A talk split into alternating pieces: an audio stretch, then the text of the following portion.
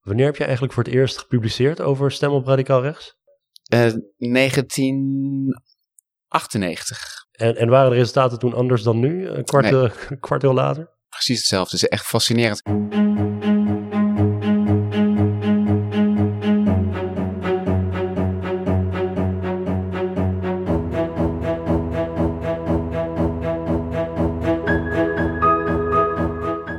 Dag allemaal, welkom bij de Stuk Rood Vlees podcast. Mijn naam is Armen Akverdian, politicoloog aan de UvA. Ik ben vanmorgen helemaal afgereisd naar uh, Nijmegen. Uh, voor het eerst, tot mijn grote schaamte. Um, en wel om te praten over het Nationaal Kiezersonderzoek met een van de vaandeldragers van Stuk Rood Vlees, Christophe Jacobs. Christophe, welkom. Hallo, dag Ermen. En met Marcel Lubbers van de Universiteit Utrecht. Goedemorgen Marcel. Goedemorgen. Laten we even beginnen met een uh, voorstelrondje voor de luisteraars die jullie nog niet kennen. Wat doen jullie zoal voor onderzoek? Uh, als ik met jou mag beginnen, Marcel. Ja, prima. Um, ik ben inderdaad Marcel Lubbers, uh, verbonden aan de Universiteit Utrecht bij interdisciplinaire sociale wetenschappen. Ik heb een uh, achtergrond in de sociologie. Um, in een, nou toch al inmiddels alweer redelijk ver verleden, dat was in 2001, ben ik gepromoveerd op het terrein van extreem rechts stemgedrag. Dat zouden we natuurlijk nu radicaal rechts stemgedrag noemen. Um, ik ben daar eigenlijk mee verder gegaan um, in mijn tijd aan de universiteit uh, in Nijmegen. Um, en vervolgens ben ik uh, eigenlijk naar Utrecht gegaan, een tijd lang daar gezeten en wat meer de kant van het migrantenperspectief genomen. En vragen over integratie en inclusie bestudeerd. En echt de laatste jaren doe ik eigenlijk wat meer op die uh, wisselwerking tussen zowel vraagstukken over inclusie um, als reactie op immigratie. En echt denk ik dat een, een van de belangrijke uh, uh, basisaspecten waar ik onderzoek naar doe, is het nationalisme en de rol die dat speelt. Ja, die thematiek komt later in het gesprek ongetwijfeld terug. Um, Christophe, jij? Ja, um, ik, uh, ik ben politicoloog van achtergrond uh, en uh, ik doe al een tijdje onderzoek naar de uitdagingen van de hedendaagse democratieën. Hoe dat ja, men daarmee omgaat en wat de gevolgen daarvan zijn. En een van die uitdagingen is bijvoorbeeld populisme. Het zou ook sociale media kunnen zijn, dat is een andere uitdaging.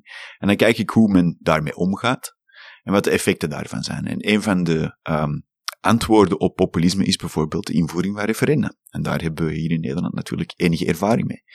En ik was uh, de hoofdonderzoeker, de directeur van het Nationaal Referendumonderzoek in 2016 en 2018. En ik kijk dus met name hoe dat, dat dan landt bij burgers uh, en uh, ja, wat er dan allemaal gebeurt en wat de dynamieken daarvan zijn. Rond die twee nationale referenda zijn ook mooie kiezersonderzoeken uitgevoerd.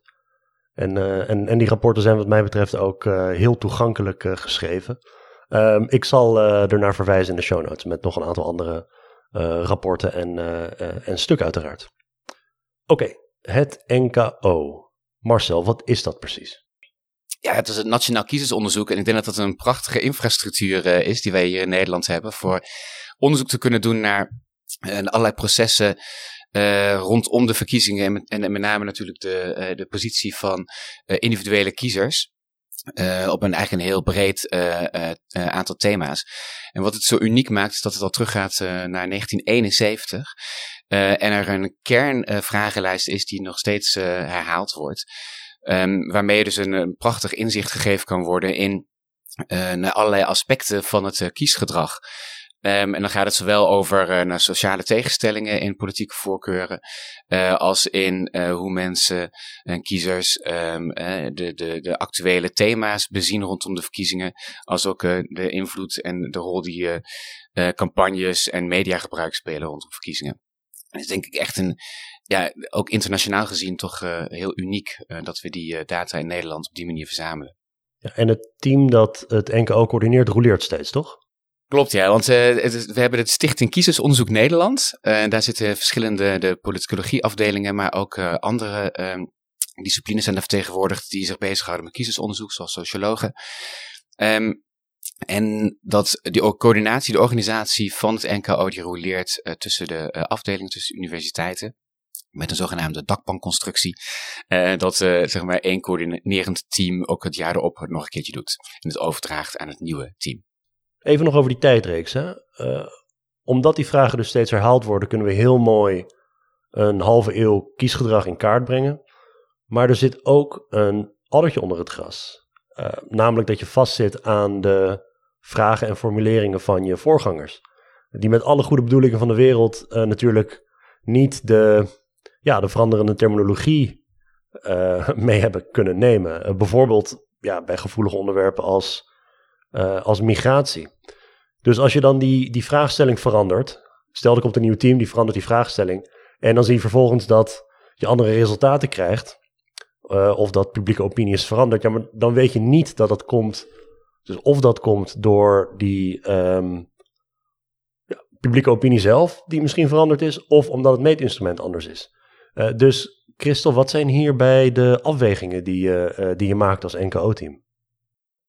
Ja, dat is, een, dat is een heel belangrijk aspect van het NKO. En ik denk ook in, in alle meetings die wij hebben gehad ter voorbereiding van het uh, Nationaal Kiezersonderzoek dit jaar, um, sorry, vorig jaar ondertussen, uh, ja, daar gaat het meeste om. Van, ja, hoe gaan we nou om met die, die oude vragen, die trendvragen? En daarbij is telkens de afweging, ja, um, moeten we die vervangen? Moeten we die laten staan? En eigenlijk is het standaard zo dat we zoveel mogelijk continuïteit willen. Maar daarnaast is het mooie van het Nationaal Kiezersonderzoek dat er veel ruimte is om ook nieuwe vragen op te nemen en ook te experimenteren met nieuwe vraagstellingen. Uh, en wat we dan doen is we nemen de oude vraagstelling op en ook de nieuwe vraagstelling en zo kunnen we een vergelijking maken van levert dat nou fundamentele uh, andere uh, inzichten op. en daardoor krijg je gewoon extra informatie die je niet zou hebben als je alleen maar telkens die oude vragen stelt. Maar we willen wel ook zoveel mogelijk die continuïteit bewaken, omdat dat net ook een van de sterktes is van het Nationaal Kiezersonderzoek. Ja. Maar het mooie is dat er daarnaast zoveel ruimte, dit is heel grootschalig, dat er ook bij elke verkiezing zijn er gewoon ook nieuwe thema's die bevraagd worden. En zo, dit keer hebben we bijvoorbeeld ook uh, in, in de nameting gevraagd naar een minderheidskabinet. En wat nou als regerende partijen er niet, of formerende partijen er niet uitkomen, um, wat vinden burgers dan van een minderheidskabinet? Bestaanszekerheid als thema. Dat is ook iets wat tijdens deze campagne voor het eerst echt heel vaak gebruikt wordt. Nou, dat kan je gewoon toevoegen naast al die oude trendvragen die in het Nationaal Kiezersonderzoek zitten. Ja, en misschien aanvullend, dat betekent ook dat er nieuwe trendvragen kunnen ontstaan. En die zijn ook ontstaan in de afgelopen afleveringen van het NKO. Jazeker, ja. En over 30 jaar plukken we daar uh, de vruchten van. Precies. Als we even inzoomen op die vraag over immigratie. Hè, daar is in, in korte tijd best wel wat veranderd qua terminologie. Um, ja, een woord als, als allochtoon was jarenlang volkomen normaal, inmiddels niet meer. Het is wel goed om te benadrukken dat onderzoekers kunnen uitzoeken of dat soort achterhaalde vragen nog steeds bruikbaar zijn. Ehm, dus als ik bijvoorbeeld een verband tussen migratiehouding en opleiding bereken, eh, dan blijkt dat het heel weinig uitmaakt of ik die nieuwe of die oude vragen over migratie eh, gebruik. Het voordeel van die oude vragen is dat ze zover teruggaan in de tijd, maar onderzoekers zullen altijd controleren of ja, die ogenschijnlijk achterhaalde vraagstellingen nog wel bruikbaar zijn. Jazeker, en het is inderdaad een mooi voorbeeld. Um, want in 1994 werd pas voor het eerst een vraag toegevoegd rondom het uh, thema migratie en integratie. En dat was eigenlijk een, een vraag over uh, eigenlijk, uh, assimilatie versus multiculturalisme. Ja, die vraag, daar zitten wel wat haken en ogen aan. Um, we hebben pas geleden nog gekeken hoe ver die schaalbaar is. Dus hoe, ver, hoe sterk die samengaat, correleert in associaties met andere vragen die we op hebben genomen over dit thema in de laatste NKO.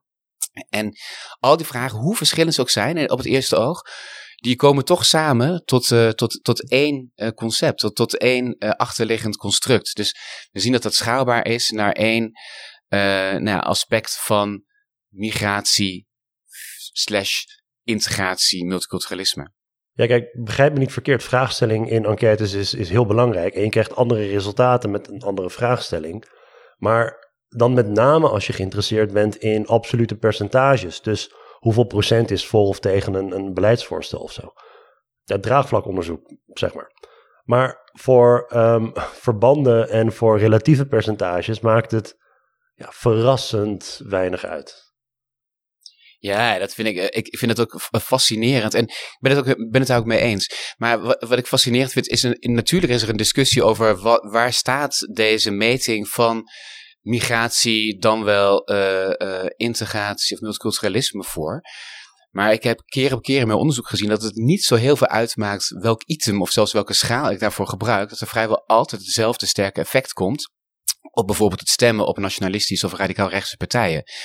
Um, en ja, dus dat is een, een, toch altijd wel een belangrijke discussie. Welke, welke vragen liggen er nu achter? Maar voor de verbanden lijkt het toch wat minder, minder uit te maken. Oké, terug naar het NKO. Christophe, kun je even kort vertellen hoe dat onderzoek zijn van het NKO eruit ziet? Um, dat ziet er concreet als volgt uit. Wat we dit jaar hebben gedaan, is we hebben een voormeting gedaan en we hebben twee nametingen. En dat zijn twee nametingen die, ja, die hebben we gesplitst eigenlijk, uh, omdat er gewoon heel veel te vragen is na zo'n verkiezing. Maar die worden kort na elkaar gehouden. Dus uh, als ik het goed heb, Marcel, is zelfs, zijn de data nu binnen van de ja, tweede nameting? Ja, zijn net binnen. Ja. ja dus kort op elkaar. En dezelfde respondenten als in de voormeting? Inderdaad. En dat is het mooie, want daarmee kan je dus kijken waarom, of er verschuivingen zijn. Uh, bepaalde items worden herhaald in de voor- en nameting. Maar ook kun je, kun je kijken naar uh, zaken die men wist voor de verkiezingen, of houdingen die men had voor de verkiezingen. Um, en, en wat dat dan, uh, ja, wat dat dan heeft gedaan, eventueel met, met stemgedrag. Dus je hebt echt een, de oorzaak kan komen voor het gevolg. Dus de, de paneldata, we hebben dezelfde uh, respondenten meermaals bevraagd. Um, een ander voordeel is dat het hier om een groot aantal respondenten gaat. Um, dat betekent dat je behoorlijk wat precisie kan hebben in uh, je, je analyses, maar daarnaast ook, als je dan bijvoorbeeld open vragen stelt, dat je grote hoeveelheden antwoorden hebt, ook als je gaat kijken naar kleinere partijen. Relatief gezien bijvoorbeeld is BBB een relatief kleine partij, maar als je gaat kijken naar zo'n open vraag over bijvoorbeeld waarom heb je gestemd op BBB, dan is er toch nog altijd, zijn er zo'n 97 mensen die die vraag invullen. Uh, dan heb je wat massa. En dat is ook zo'n mooi voorbeeld van, het, uh, van het, uh, ja, de meerwaarde van het NKO. En er is ook een booster sample van Nederlanders met een migratieachtergrond. Dat klopt. We hebben de, de, de, als we terug gaan kijken naar de NKO's van, hè, van eerdere afleveringen, dan zien we vaak dat er een ondervertegenwoordiging is van uh, kiesgerechtigden met een migratieachtergrond. En um, nou, we hebben dit jaar besloten om, net zoals in 2021, nog een keer uh, extra mensen met een migratieachtergrond te benaderen om te vragen om mee te doen met het NKO. Dus er zitten dit jaar um, zo'n duizend extra respondenten in met een migratieachtergrond die kiesgerechtigd zijn. Ja, en voordat nou mensen denken, dan zijn die respondenten met een migratieachtergrond toch oververtegenwoordigd. Uh, ook daar is over nagedacht. Nee, zeker. Nee, we, hebben, we, we hebben een, een representatieve uh, groep, hè, dus dat, dat, dat, waar we van, mee starten. Vervolgens hebben we eigenlijk een aanvullende sample met, een, met mensen met een migratieachtergrond. We hebben eigenlijk ook nog een andere aanvullende sample um, um, met praktisch opgeleide. Um, en die worden eigenlijk als drie afzonderlijke datasets opgeleverd. Um, en we, we, vinden verschillende manieren om uh, nou ja, die gezamenlijk te kunnen analyseren. Ja, het lijkt me heel nuttig om deze extra uh, boosters te hebben, want we weten dat deze groepen minder participeren in de politiek en eigenlijk om min of meer dezelfde redenen nemen ze ook minder deel aan enquêtes over de politiek. Ja, absoluut. Hè, want we hebben eerst een analyse gedaan van welke groepen zijn nou ondervertegenwoordigd in zo'n nationaal kiezeronderzoek en hoe kunnen we dat compenseren, aan welke groepen moeten we extra aandacht besteden. We hebben bijvoorbeeld ook gekeken naar stedelijkheid versus regio, maar ook leeftijd, hè, jongeren. En de vraag van zijn jongeren nou uh, ondervertegenwoordigd? Um, en um, daaruit bleek dat het niet met name jongeren zijn, maar dat het praktisch opgeleide zijn. Zowel bij de jongeren als bij de niet-jongeren. En dus vandaar dat veel beter gewoon een extra um, sample konden toevoegen van praktisch opgeleide dan bijvoorbeeld jongeren te gaan doelgericht targeten. Ja. En toen kwam 22 november. Um, het uh, verhaal van deze verkiezingen lijkt mij toch de relatief late opleving van de PVV in de laatste weken van de campagne. Ik ga hier echt niet met droge ogen beweren dat ik in augustus deze uh, overwinning had, uh, had, had, zien aankomen. Maar naarmate de campagne voortschreed, ja, werd het toch wel duidelijker door die voor- en nameting uh, kun je die dynamiek uh, heel mooi zien, toch? In het NKO. Ja, dat, dat is echt fascinerend. Want wat we, de, de voormeting, die uh, stopte ongeveer um, nou ja, aan het eind van oktober. Um, net begin november. Dus, en dat was nog voor die laatste dynamiek in de campagne. En we hebben natuurlijk uh, de, de peilingen kunnen zien dat er echt in het laatste weekend echt pas die, die spurt gemaakt uh, werd. Um, nou, in die voormeting zien we daar nog geen uh, signaal van. Dat is interessant. Um, en eerlijk gezegd, op basis van de voormeting, toen was ik ook nog best wel, ik had het niet verwacht. Op basis van de voormeting, de resultaten, als je die bekijkt, had ik het niet verwacht. Want we vragen daar bijvoorbeeld ook de intentie de waarschijnlijkheid hè, of mensen misschien zouden gaan stemmen op partijen. Kunnen ze aangeven op een schaal van 0 tot uh, 10. Um, nou ja, en, en ook daar zou je zeggen van, nou ja, het is, het is niet overtuigend dat, dat mensen echt al wel dat, dat misschien dan zouden gaan doen. Of dat ze een 7 of een 8. Als we terugkijken, dan heeft de PV bijna iedereen gemobiliseerd die uh, vijf of hoger scoorde op, dat, uh, op die waarschijnlijkheid. Um, dus in die zin is op basis van de voormeting het echt ook een verrassing. Maar zien we het in de nameting wel terug. dat is natuurlijk heel mooi aan het design van het NKO. Dus we kunnen heel goed bekijken, bestuderen uh, wie er een, een, een, een ja, toch nog veranderd is en op het laatst naar uh, de PVV is gegaan. Dus dat is wat we ook gedaan hebben, wat we opgeschreven hebben in ons uh, blog.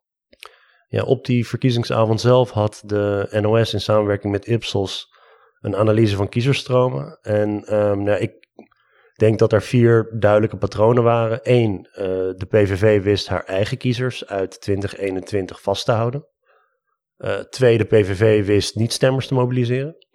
Drie, de PVV eh, kaapte kiezers bij andere radicaal rechtse partijen weg. En um, tot slot, er waren veel overstappers van de VVD naar de PVV. Dat zijn denk ik de vier voornaamste componenten van die, van die winst. Um, Zien jullie dit ook in het NKO terug? Die groepen zien wij ook terug. Um, we zien met name dat uh, de, de, de, standvastige, de trouwe PVV-kiezer uh, vinden we heel duidelijk terug in het uh, NKO. Dat betekent dat mensen hebben aangegeven dat ze in 2021 op de PVV hebben gestemd. Um, daarnaast zien we ook een beweging heel duidelijk van de VVD. Um, en van uh, Vorm van Democratie en Ja 21.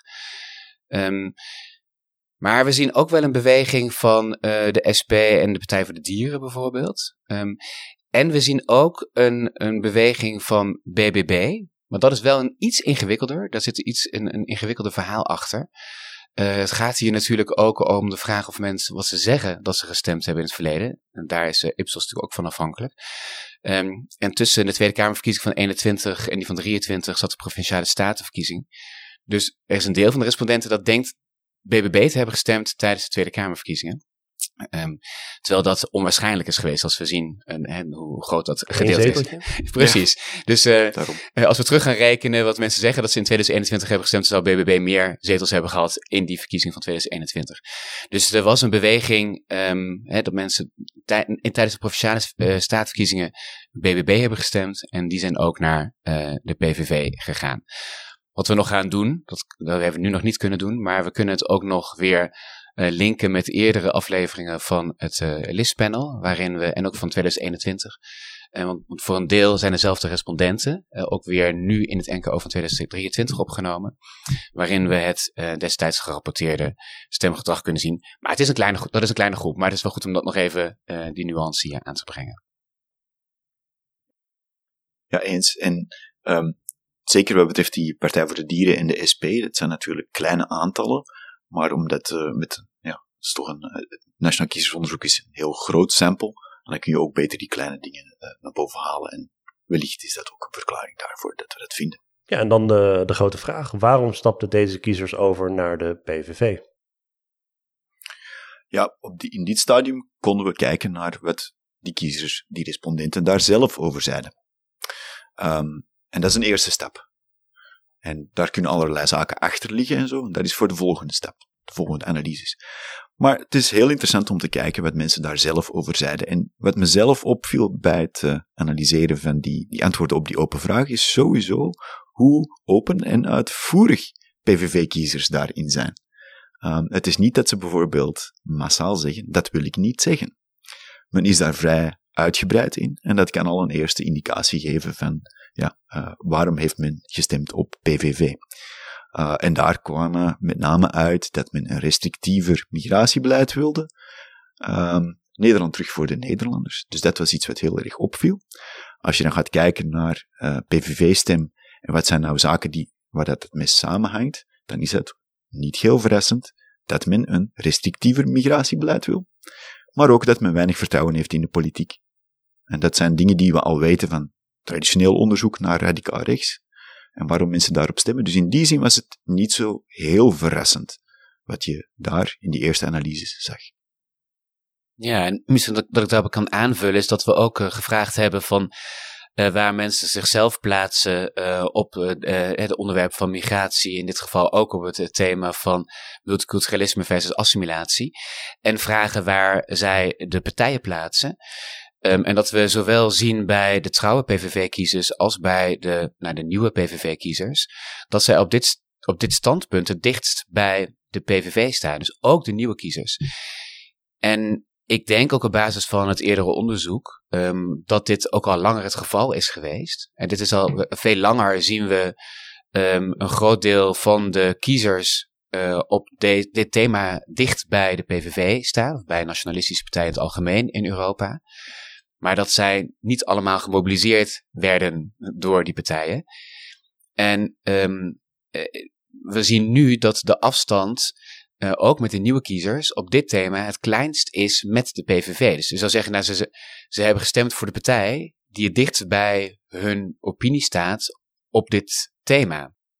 Jazeker, en wat je, wat je ook zag is dat in die laatste fase, dan uh, was ook een partij bijvoorbeeld zoals NSC, sprak toen heel vaak over migratie, in verband met woningnood bijvoorbeeld, maar je merkte dat ook andere partijen nog uh, vaak over migratie zijn gaan spreken in die laatste fase.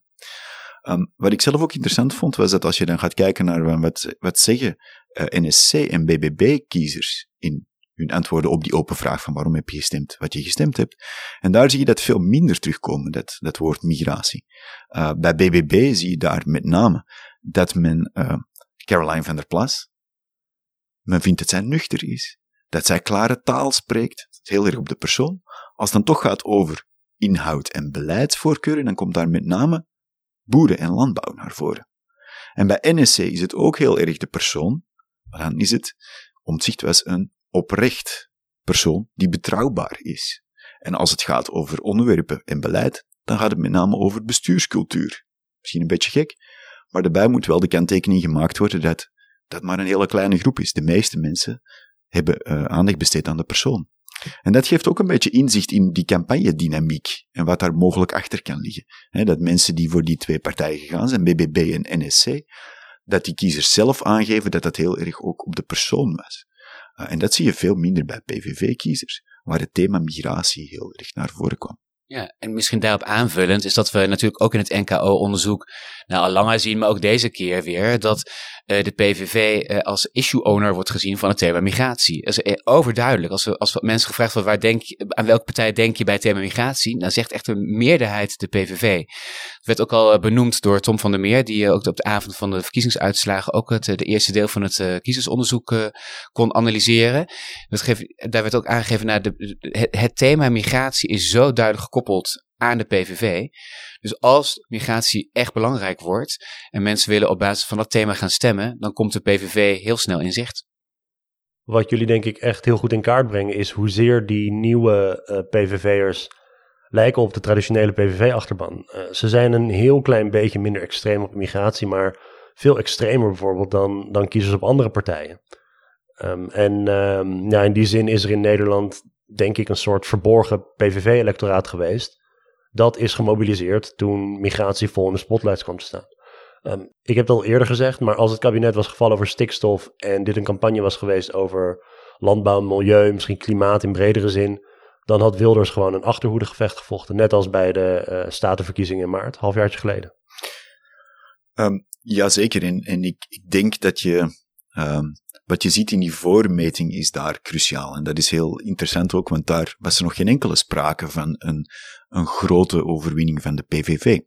Um, en wat je eigenlijk daar lijkt te zien, is dat er drie dingen gebeurd zijn. In, in eerste stap uh, Caroline van der Plas, de persoon die voor potentiële BVB-kiezers heel belangrijk is, die twijfelde over of ze minister-president wilde worden. In tweede instantie zie je Pieter Omtzigt, die met zijn campagne, um, ja, die, die eigenlijk voor veel potentiële uh, NSC-kiezers heel, als persoon heel belangrijk was.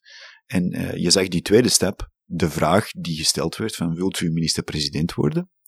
Uh, en die daar een tijdje gaan spelen. En uiteindelijk voor een aantal kiezers, en dat zien we ook in sommige antwoorden op die open vraag, dat kiezers die uiteindelijk voor PVV zijn gegaan en die twijfelden tussen NSC en PVV, dat dat een moment was dat voor hem speelde. En pas dan, in derde instantie, werd dat thema migratie de doorslaggevende factor. Dus het was, die drie stappen moesten gebeuren en dit was een soort, dat lijkt alvast een soort, ja, niet een perfecte storm, maar alvast wel iets wat in drie stappen gunstig uitviel voor PVV. Ja, en daar weer ook op aanvullend is dat, wat ook heel mooi te zien is in het NKO, is dat zodra het thema migratie belangrijk wordt en, ze, en, en de, uh, hoe respondenten of kiezers zich gaan verhouden tot die NSC en de BBB, uh, het daar wat ingewikkeld gaat worden, omdat zo'n 20% aangeeft niet te weten waar die partijen staan op dit thema. Dus het is veel onduidelijker voor kiezers waar BBB en NSC staan migratie dan waar de PVV staat. En bovendien schatten de respondenten en de kiezers uh, ook in uh, dat BBB en NSC verder van hun vandaan staan op dit thema. Dus in die zin, als dit thema zo relevant wordt uh, en mensen gaan op basis van het thema migratie stemmen, dan ja, ligt het ook voor de hand dat ze eerder naar de PVV gaan nog even terug naar die, naar die open vragen. Hè? Dus daar zitten voor- en nadelen aan ten opzichte van uh, gesloten vragen. Um, een van de nadelen is dat het een enorm pokkenwerk is om, om duizenden antwoorden uh, op te schonen en te presenteren. Um, maar je krijgt wel antwoord op wat kiezers zelf uh, belangrijk vinden in hun stemgedrag. Dus als je aan kiezers zelf vraagt om hun stem uit te leggen, dan zeggen ze dat migratie de doorslag gaf. En niet de woningmarkt, niet de zorg, niet bestaanszekerheid of inflatie of uh, weet ik veel, de arbeidsmarkt. Nee, migratie. En dan kunnen van die schreeuwlelijk op sociale media roepen van uh, linkse politicologen die geven de schuld aan uh, migratie. Maar dit zeggen PVV-stemmers zelf. Het lijkt mij juist nogal neerbuigend om dan te gaan zitten roepen dat deze stemmers wel echt om, om andere dingen ging dan migratie. terwijl ze het zelf gewoon zeg maar, ongeprovoceerd uh, noemen um, je, in open vragen. Zij zijn degene die hiermee komen. Um, nu is natuurlijk een vervolgvraag, lijkt mij, of je het belang van migratie ook ziet bij uh, meer, ja, meer objectieve verklaringen van, van stemgedrag. Maar die open vragen kunnen wat mij betreft zeker uh, nuttig zijn. Ja, zeker. En we, we werden daar ook wel in uh, uh, gesteund door de bevindingen ook van nog wat verdergaande analyses. bijvoorbeeld de multiple regressieanalyse, waarin we weer de gebruikelijke verklaringen van het radicaal rechtsstemgedrag hebben opgenomen.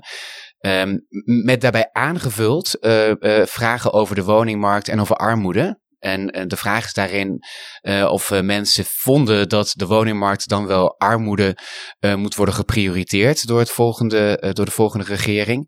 Um, en die doen helemaal niks in, de, in de verklaring van het PVV-stemmen. En er, er, kwam eigenlijk weer hetzelfde rijtje uit als eerder. Um, nou ja, een, een, een breed concept van anti-migratie met verschillende vragen. Heeft veruit de sterkste invloed, gevolgd door euroskepsis, gevolgd door politiek wantrouwen dat is ook met deze, ja, met deze nieuwe grote groep weer hetzelfde beeld. Wanneer heb je eigenlijk voor het eerst gepubliceerd over stem op radicaal rechts? Uh, eh, 1998. En, en waren de resultaten toen anders dan nu, een kwart, nee. kwart later? Precies hetzelfde. Het is echt fascinerend. De, dit blijft dit thema um, met politiek wantrouwen uh, de twee belangrijkste uh, ja, verklaringen van radicaal rechts stemgedrag. Er is discussie uh, geweest al die tijd van is het nu meer politiek protest dan wel anti-migratie. Uh, ik zie wel eens verschillen dat die verklaringskracht van die twee dichter bij elkaar komen.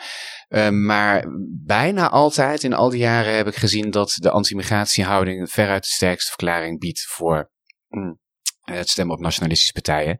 In Nederland en in andere landen. Goed, we hebben het steeds over de politisering van migratie en de rol van migratie bij stemgedrag, maar je hebt natuurlijk ook de stem van kiezers met een migratieachtergrond. Vlak na 22 november ontstond zo'n narratief in, in sommige hoeken van het uh, medialandschap dat moslims massaal op de PVV zouden hebben gestemd. En um, ik heb geen flauw idee waar dat, waar dat verhaal vandaan kwam. Er zal wel weer een of andere uh, journalist met een camera op de markt hebben gestaan. Maar um, gelukkig heeft het NKO zo'n booster sample met kiezers met een migratieachtergrond. En daaruit blijkt dat dit gewoon onzin is. Nee, dat klopt. En ik vond jouw reactie in een eerdere podcast ook heel mooi op. Zeg van, nee, wat voor onderzoek wordt er precies gedaan en op basis waarvan trekken we nu deze conclusies? Dus uh, had je, ja. Af en toe komt de, de statistiekdocent weer naar boven. Heel, heel goed. ja. Maar, um, nou ja, wij, wij zagen daar uh, in de uh, voormeting geen, geen, geen tekenen van. Maar goed, toen was die verschuiving naar de PVV er nog niet geweest. Dus we konden, toen het naar voren kwam, niet gelijk daarop inspringen dat, dit, dat, dat we dit konden weerleggen. Dus we moesten echt wachten op de gegevens um, uit die eerste nameting. Uh, en omdat we dus die oversampling hadden gedaan van kiezers met een migratieachtergrond, uh, konden we op basis daarvan um, nou wel eerst de uitspraken uh, doen. En um, we, hebben, nou, we konden onderscheid maken tussen allerlei herkomstlanden. We hebben ook gevraagd naar religie van de, van de respondenten. En we, ja, we vinden daar geen ondersteuning voor. We vinden geen bewijs dat uh, mensen die zich identificeren als moslim uh, of uh, de respondenten met een, um, met migratieachtergrond uit Turkije of Marokko, um, dat zij op de PVV hebben gestemd. Er zitten er wel een paar in, in de data, maar nou, het is heel minimaal. In het NKO-rapport van 2021 staat een uh, analyse van de migrantenstem door jou, Marcel, samen met Nieuws Sperings. Um, ongeveer 10% van het electoraat heeft een migratieachtergrond.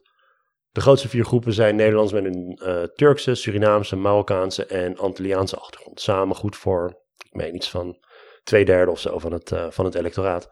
Um, maar er zitten ook Nederlanders uit Azië en Afrika en, en Latijns-Amerika bij. En nou ja, dit blijkt dus een enorm diverse groep te zijn. Um, Aziatische Nederlanders zijn qua standpunten vrij rechts in, in economische zin. En dat zie je dan ook in hun stemgedrag terug. Ze stemmen vooral op uh, centrumrechtse partijen. Um, het is wel interessant, ik heb een proefschrift begeleid van uh, Sanne van Oosten um, over kiesgedrag van migrantengroepen. Dat is bijna klaar. En uh, dat is binnen het videoproject van Lisa Mugge. En Sanne heeft ook een uh, originele uh, enquête gedaan, uitgevoerd um, onder uh, Nederlanders met een migratieachtergrond. En daaruit blijkt bijvoorbeeld dat Hindoestanen relatief eerder de PVV steunen dan bijvoorbeeld niet-religieuzen.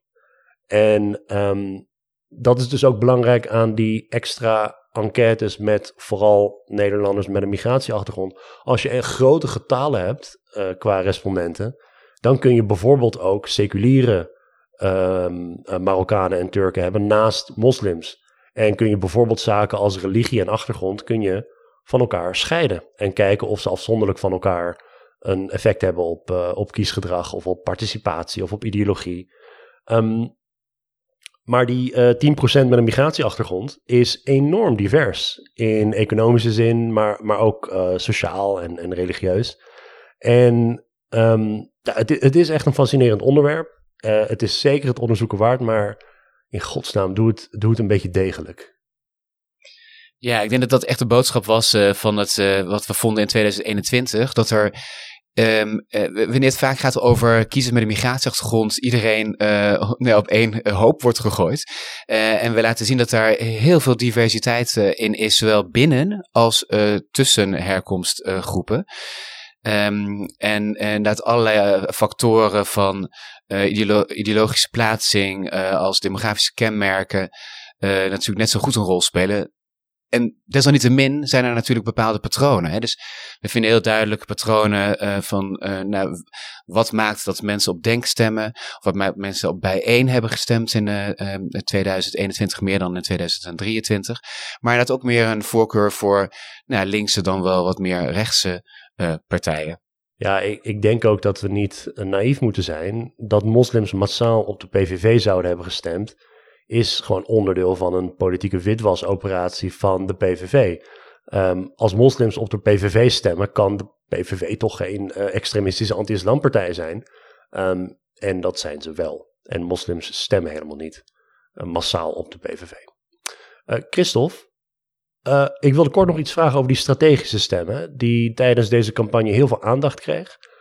Bij nieuwe PVV-stemmers speelde ook mee dat ze stemden tegen uh, de VVD, uh, tegen Partij van de Arbeid GroenLinks en ook hun respectievelijke lijsttrekkers die mogelijk premierskandidaat waren. Ja, inderdaad. Um, wat we al een tijdje weten is dat Nederland en het Nederlandse electoraat dat dat zich grosso modo in drie groepen laat opdelen. Mensen die linkse partijen overwegen, mensen die centrumrechtse partijen overwegen en mensen die radicaal-rechtse uh, partijen overwegen. En tot voor kort was het zo dat er redelijk grote muren stonden, als het ware, tussen die verschillende groepen.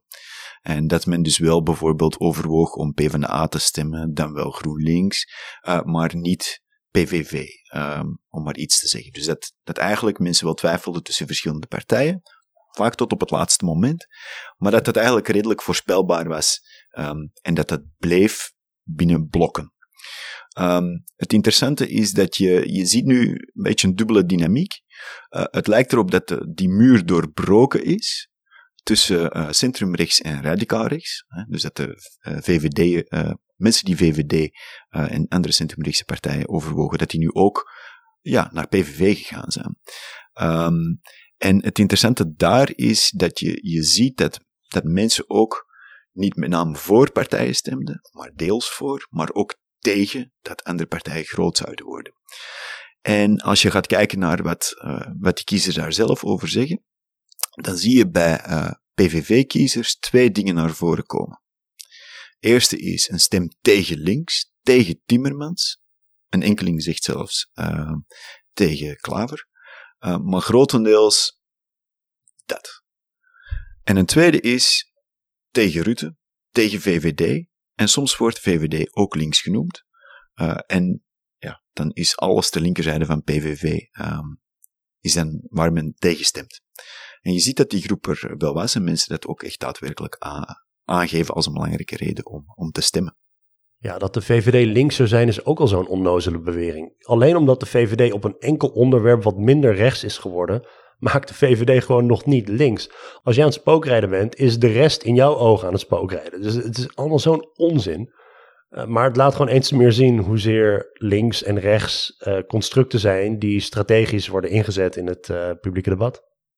Jazeker, en, en dat strategisch stemmen is een onderwerp, ay, hangt natuurlijk ook voor een stuk samen met peilingen. En dat is een onderwerp waar we op Stuk Rood Vlees heel veel over geschreven hebben al. Ja. En die peilingen waren behoorlijk aanwezig in die laatste fase van de campagne. Uh, en je ziet ook echt dat dat woord komt zo vaak terug in die antwoorden, dat mensen die peilingen daadwerkelijk ook wel aanhalen als een reden van ja, uh, in de peilingen leek het erop dat, dus en dan strategische stem. Dus die, die link met peilingen wordt ook heel vaak gemaakt en ja, dat zie je daar heel mooi terugkomen. Um, hoe je links ook klassificeert en welke partijen je er ook onder schaart. Uh, 22 november was de slechtste uitslag ooit uh, voor links, meen ik. Of in ieder geval een van de slechtste uitslagen ooit. Marcel, jullie hebben ook gekeken naar sociale klasse en stemgedrag. En daaruit blijkt dat kiezers die zichzelf tot de arbeidersklasse rekenen, relatief gezien steeds minder op linkse partijen stemmen. Ja, dat klopt. Uh, natuurlijk is die groep ook over de tijd uh, uh, afgenomen. Hè? Ja. Uh, maar binnen de, de arbeidsklasse ongeveer nog 20% van de kiezers rekenen zich tot de arbeidersklasse.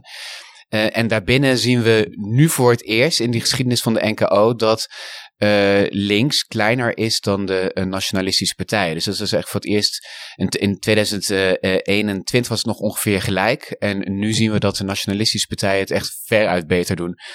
Onder de mensen die zichzelf rekenen tot de arbeidersklasse. Dus dat is echt een behoorlijke verschuiving uh, die heeft plaatsgevonden. Uh, en dan vanaf het begin van het NKO in 1971 zie je heel duidelijk nog uh, die, die arbeidersklasse stem voor de linkse partij, met name voor de Partij van de Arbeid. Dat neemt in de jaren 90 al wat af. Dan gaat de SP dat wat meer over, overnemen. En vanaf, uh, ja, vanaf 2000 zie je de groei van die nationalistische partijen. En dat is nu eigenlijk ja, echt volledig omgekeerd. En uh, waarom zien we deze verschuiving? Of um, met een heel lelijk woord, realignment van de arbeidersklasse? Ja, dat hebben we nu op basis van het NKO niet onderzocht. Maar ik, ik moet altijd nog denken daarbij aan het, uh, de analyse van Kitschot al in 1995. Die herstructureren van de, uh, de politieke dimensies en waar linkse partijen naartoe zijn bewogen in die dimensies. Um, en dat de, bij het minder belangrijk worden van die economische dimensie en het belangrijker worden van nou, de culturele dimensie of de dimensie nationalistisch versus cosmopolitisch, ehm, dat de linkse partijen in de richting zijn geschoven van uh, die uh, culturele progressiviteit. En daarmee wat minder dicht bij de arbeiders staan, hoe zij zich positioneren. En dat dat een belangrijke reden is voor die verschuiving. Je ziet dat natuurlijk in alle landen van Europa. Het is niet iets uniek Nederlands. Um, waarbij de, uh, uh, de arbeidersklasse zowel meer objectieve maat van uh, klasse als bij die subjectieve maat, dat zij steeds minder op de sociaal-democratische partijen en ook socialistische partijen stemmen. Ja, en dan gaat het natuurlijk niet alleen om het veranderen van posities of standpunten in die tweedimensionale ruimte, maar ook om het belang van, van de onderwerpen. als culturele onderwerpen in de schijnwerper staan, dan drijf je veel makkelijker een weg in die traditionele sociaal-democratische alliantie van arbeiders en uh, nou ja, juppen. Zeker, en daarmee echt de combinatie van zowel dat, uh, de vraag, aanbod en kenmerken die daar een rol spelen in de, dus, dus hoe belangrijk en saillant die de thema's zijn. Wanneer komen jullie met de volgende reeks resultaten? Uh, het is, dit is super interessant. Het waren natuurlijk waanzinnig interessante verkiezingen. Um, dus zodra we gaatjes vinden in onze agenda, gaan we weer bloggen. Dan denk ik dat we naar de andere partijen gaan kijken, bijvoorbeeld. Um, sowieso zullen we, give or take, eind februari een essay um, opleveren. Dus verwacht dan weer uh, een extra blog en, en, en meer uh, inzicht. En voor de zomervakantie, rond de zomervakantie, komt het uitgebreide rapport van het NKO uit. En uh, wil je weten wat er ongeveer in gaat staan? Kijk dan gerust even naar het rapport van 2021. Dat zal heel gelijkaardig zijn. Uh, met wat extra dingen die specifiek bij deze verkiezingen hebben gespeeld. Uh, denk aan de campagne bijvoorbeeld. Nou, misschien dat ik eind februari voor de tweede keer in mijn leven naar, uh, naar Nijmegen kom. Altijd welkom. Uh, heel erg bedankt voor jullie tijd, Marcel en Christophe. Het was een groot genoegen. U bedankt voor het luisteren. Deel de podcast met anderen. Like, comment, subscribe. En tot de volgende keer.